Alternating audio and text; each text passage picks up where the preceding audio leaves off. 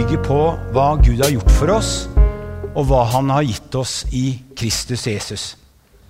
Og det Gud har gitt oss, eh, og det vi har fått av ham, det kaller jeg de første ting det startet hos Gud.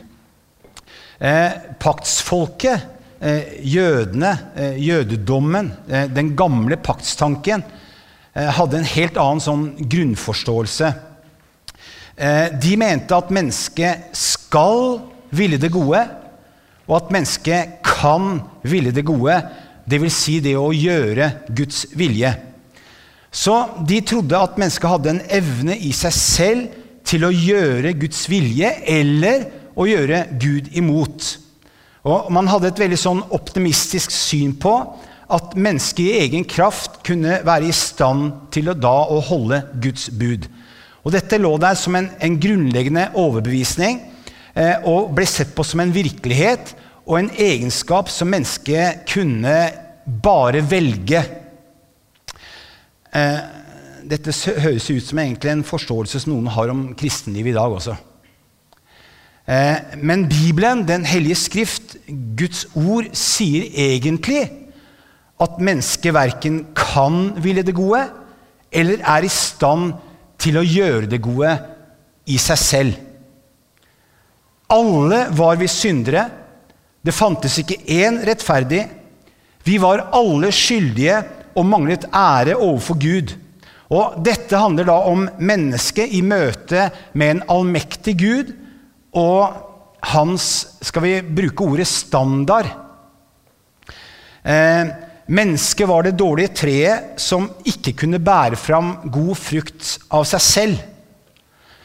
Eh, og når da menneskets tilstand var så håpløs, så tilbys frelse.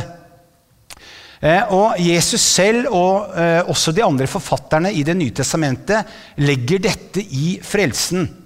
Det er en ufortjent tilgivelse og en rettferdiggjørelse av den skyldige.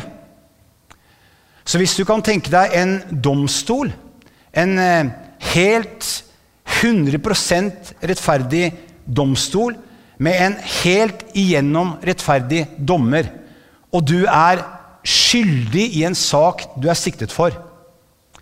Men du dømmes av den dommeren som frikjent, for det er en annen som har tatt din straff.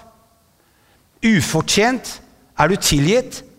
Det gis en rettferdighet du ikke har fortjent, og du er fullstendig da frikjent fra det du er anklaget for. Du blir frelst. Du tar imot den dommen fra dommeren. Du blir frelst. Og denne frelse som Bibelen taler om, det er en gjennomgripende forvandling av mennesket, så det kalles gjenfødelse. Paulus han sier at man er en ny skapning i Kristus. Peter sier at Gud har gjenfødt oss. Johannes sier den som tror på Jesus, er født av Gud. Og dette er Jesu budskap. Johannes 3, 7. Dere må fødes på ny. Og det er det som skjer da i frelsen. Eh, hvordan ble vi frelst? Hvordan ble vi kristne? Jo, ved å ta imot. Det var her det startet for hver og en av oss. Eh, og dette er noe av eh, hva de fleste normale kristne er enig i. At vi må ta imot frelsen fra Gud. Mennesket kan ikke frelse seg selv, men Gud gjorde det for oss. Det er egentlig veldig bra. Reinspikka evangeliet. Eh, eh, hvem ga seg til hvem først? Jo, Gud ga seg selv til oss. Johannes 3, 16, For så høyt har Gud elsket verden at han ga sin sønn. Ja, ok, Gud ga sin sønn. Ja, det er det samme som at han ga seg selv. Jesus ga seg selv. Han ga seg til oss først. Så punkt nummer én han ga seg selv til deg. Han ga seg selv til deg. Punkt nummer to han er deg hengiven. Han er en hengiven herre, og han er hengiven til deg alltid. Hos ham fins det ingen sløvhet eller forglemmelse. Salme 139, det var kong David som skrev den salmen. Eh, og eh, Kong David han er i en sånn morsom, rar greie. Jeg tror det er egentlig det er kunstneren som uttrykker seg. Han synger dette, da. Hvor skal jeg gå fra din ånd, sier han til Herren. Hvor skal jeg flykte fra ditt åsyn? Og jeg tenker, hvem vil, vel det? Ikke jeg, i hvert fall. Men hvor hen han da skulle gå, hvor hen han da skulle flykte, så synger han, så holder din høyre hånd meg fast, Herre. Hvor hen jeg skal flykte, hvor hen jeg skal gå, så holder din hånd meg fast. Så Salme 139 det handler ikke om Guds allstedsnærvær, at han er overalt. Det handler om Herrens hengivelse til David. Og dypest sett så handler det om Herrens hengivelse til deg. Han så deg når du ble formet i mors liv. Allerede der var Herren hengiven til deg. Han er deg hengiven. Punkt nummer tre Herren holder fast i deg. Det går litt i samme eh, gata. Herren holder fast i deg. Og vet du hva Herren sier til deg? Han sier, 'Jeg, jeg slipper deg ikke'. Hebreerne 13,5, siste del av verset. For han har sagt, 'Jeg skal ikke slippe deg, og jeg skal ikke forlate deg'. Eh, jeg vet at det, det står i en sammenheng, men dette handler om deg. Det handler om deg, det handler om alle dine områder, og det er noe Gud har uttalt over deg. Han har selv sagt 'Jeg skal ikke slippe deg, og jeg vil ikke forlate deg'. Andre oversettelser sier at han har selv sagt 'Jeg vil aldri noensinne slippe deg'. Jeg vil aldri slippe grepet om deg, ikke på noen måte. Så Herren holder fast i deg. Punkt nummer fire han elsker deg. Eh, jeg har sagt litt, ja, en god del egentlig, om, om den guddommelige kjærlighet her eh, på mølla. Eh, og igjen så skal jeg bruke Johannes, en av disiplene til Jesus, som et eksempel. Han var den yngste i flokken. Senere ble han kalt kjærlighetens apostel. Eh, og hva ble hans identitet? Hva var det han viste til? Hva er det han refererte til når han skulle beskrive seg selv? Jo, han var den disippel som Jesus elsket. Og dette gikk dypt ned i Johannes. Dette var og dette ble hans identitet. Og dette handler ikke bare om Johannes. Dette er sannheten om deg. Du er den Herren elsker. Han elsker deg. Så punkt nummer én var nemlig dette. Han ga seg selv til deg først. Han ga seg selv til deg først. Eh, jeg har blitt litt sånn nostalgisk kanskje på mine gamle dager. jeg vet ikke. Litt sånn 90-tallsnostalgi. Jeg tenker tilbake på eh, ting som jeg har opplevd. Eh, ting um, jeg har sett og hørt i, i, i kristne sammenhenger. På 90-tallet så var det noe forkynnelse som hadde dette i seg, at du må gi deg 100% til Herren, ikke 99 Og egentlig så var det ikke nok med å gi seg 100% til Herren. Du må gi deg 110% til Herren. Det var litt dårlig matematikk, de folka der. Men, men hvis vi tenker du må gi deg selv til Herren Ja, men la oss heller løfte fram de første ting at han ga seg selv til oss. Han ga seg selv 100% til oss. Han ble utøst, står det. Altså, han ble knust for din skyld. Han ga seg til deg på korset. Men jeg tror ikke på Jesus. Ok, det er helt greit. Men hvis du tror på ham, og hvis du tror at han ga seg selv til deg da tror jeg at du gir deg selv til ham med hele deg. Det blir som en konsekvens og et nådesverk av Den hellige ånd i deg.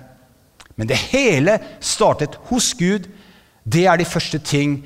Han ga seg selv til oss. Derfor gir vi oss til ham.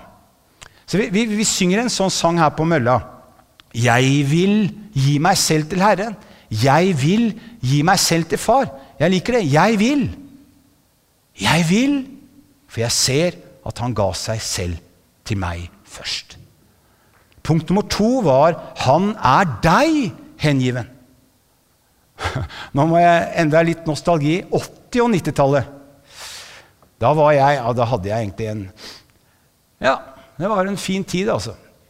Eh, eh, jeg var en aktiv lovsangsleder. Eh, jeg er fortsatt en lovsanger og en tilbeder, men jeg var aktiv. altså Jeg var rundt på konferanser, på festivaler, på møter, i kirker, i bedehus, i menigheter, og ledet i lovsang, som det heter. Og da var det et veldig fokus, i, i hvert fall noen karismatiske miljøer, et fokus på at vi skulle være veldig hengivne til Gud i vår lovsang. altså. Det var nesten sånn 'glem Gud, bare du er hengiven'.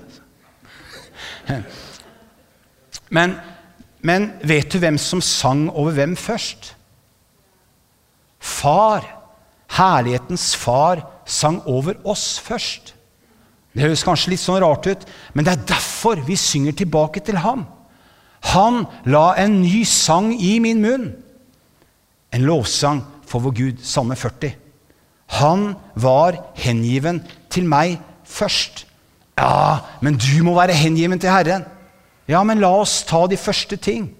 Løfte opp og løfte fram hans hengivenhet til deg. Hvis du tror på den, hvis du tror at Herren er hengiven til deg, ja, da tror jeg at du kommer til å bli, og jeg tror at du kommer til å leve veldig hengivent til din Herre. Jeg tar de første ting først. Punkt nummer tre var 'Herren holder fast i deg'. Ja, men du må holde fast i Herren. Det er viktig det, KP, at ungdommen holder fast i Herren. Jo, men la oss løfte fram de første ting. Si noe om Hans trygge, nådige hånd. At Han holder fast i deg. Og da tror jeg du vil hvile i Hans grep og bli som en som holder fast i Herren. Hvis du tenker deg dette her er Guds høyre hånd, eh, og han holder fast i deg Dette er deg. Han holder fast i deg. Han, eh, han vil aldri skippe grepet om deg. Ser du hva som skjer? På grunn av han holder fast i deg, holder du fast i Herren. Men det er han som holder grepet rundt deg. Og, og, og, jeg tror at Herren sier til noen helt spesielt Om du føler og tror at du har sluppet tak i meg, så vil jeg aldri noensinne slippe taket i deg. Det er ikke du som klamrer deg til Herren. Det er Han som holder fast i deg. Det startet hos Gud, og det vil vedvare. Dette er de første ting han er deg hengiven, og han holder fast i deg. Punkt nummer fire var 'Han elsker deg'. Ja, men vi må elske Herren, KP. Jo. Jeg, jeg brukte Johannes som et eksempel. Hvis du i dag kunne spurt Johannes 'Hvem er du?', så ville han svart i en eller annen form så ville han svart 'Jeg, ja, jeg er den disippel Jesus elsker'. Mange i vår tid tror jeg nesten heller ville svart Eller man syns det hadde vært mer smell i å si jeg er den disippel som elsker Jesus. I hvert fall noen miljøer så ville det vært veldig bra å si. Jeg er den disippel som elsker Jesus. Og, og det kan være sant, det, men det fins et bedre svar til et spørsmål hvem er du? Johannes sitt svar er bedre. Jeg er den Herren elsker. Og hvorfor er Johannes sitt svar bedre? Jo, for det svaret viser til fundamentet, det viser til grunnstenene i den kristne tro, nemlig Guds betingelsesløse kjærlighet. Det startet hos Gud. Han elsket oss først. Dette er de første ting. Ja, men du må elske Herren, Kåpe. Vel, ja. Men jeg løfter heller opp dette at han elsker, og at han elsker deg så høyt. Og hvis du tror det, for det er så sant Hvis du tror det, hvis du tror på hans kjærlighet til deg, vil du mer og mer bare elske ham. Vi elsker, sier Johannes, for han elsket oss først. La oss løfte fram de første ting. Jeg oppsummerer. Han ga seg selv til deg først. Derfor har du gitt deg selv til ham. Han var deg hengiven først. Derfor er du hengitt til ham. Han holder fast i deg. Derfor holder du fast i Herren. Han elsket deg først. Derfor elsker du Herren. La oss gå til de første ting, og la det som skal være grunnstener i kristenlivet, være grunnstener. Og bygge livet vårt på det. Vi er hans verk, vi er hans kunststykke. Jeg har, jeg har alltid trodd på dette. Jeg har alltid trodd at det har vært sånn. Den dagen jeg ble frelst, så skjønte jeg dette gudgitte prinsipp. Og Så kan det hende at det er noen som tenker men blir ikke dette her litt sånn passivt, KP? Ja, men jeg har Jeg skal ikke overdrive, da. Men jeg kan si at jeg har sett hundrevis av mennesker bli forvandlet gjennom disse sannheter. Og vet du hva? De ble ikke passive. De ga seg til Herren. De ble hengivne. De holder fortsatt fast på Herren. Og de elsker ham, og de elsker sin neste og de gjør mange gode gjerninger. Og jeg, skal, jeg vet at det finnes forskjellige meninger rundt Guds ord. Det finnes forskjellige retninger. Det finnes noen teologiske debatter. Og det finnes forskjellige tolkningsmuligheter av ting som nevnes i Skriftene. Og dette taler til meg om at, at jeg vil være forsiktig og ydmyk og jeg trenger ikke å fremstå, og jeg trenger heller ikke å opptre som en som skal forstå alt i Skriftene, for det gjør jeg ikke.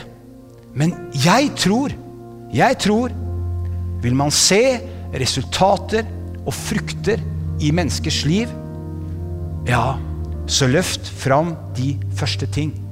Forkynn det, for det er så fruktbart. Så hør en gang til de første ting. Han ga seg selv til deg først. Han var deg hengiven først. Han holder fast i deg. Han elsket deg først. Husk, du er elsket for alltid.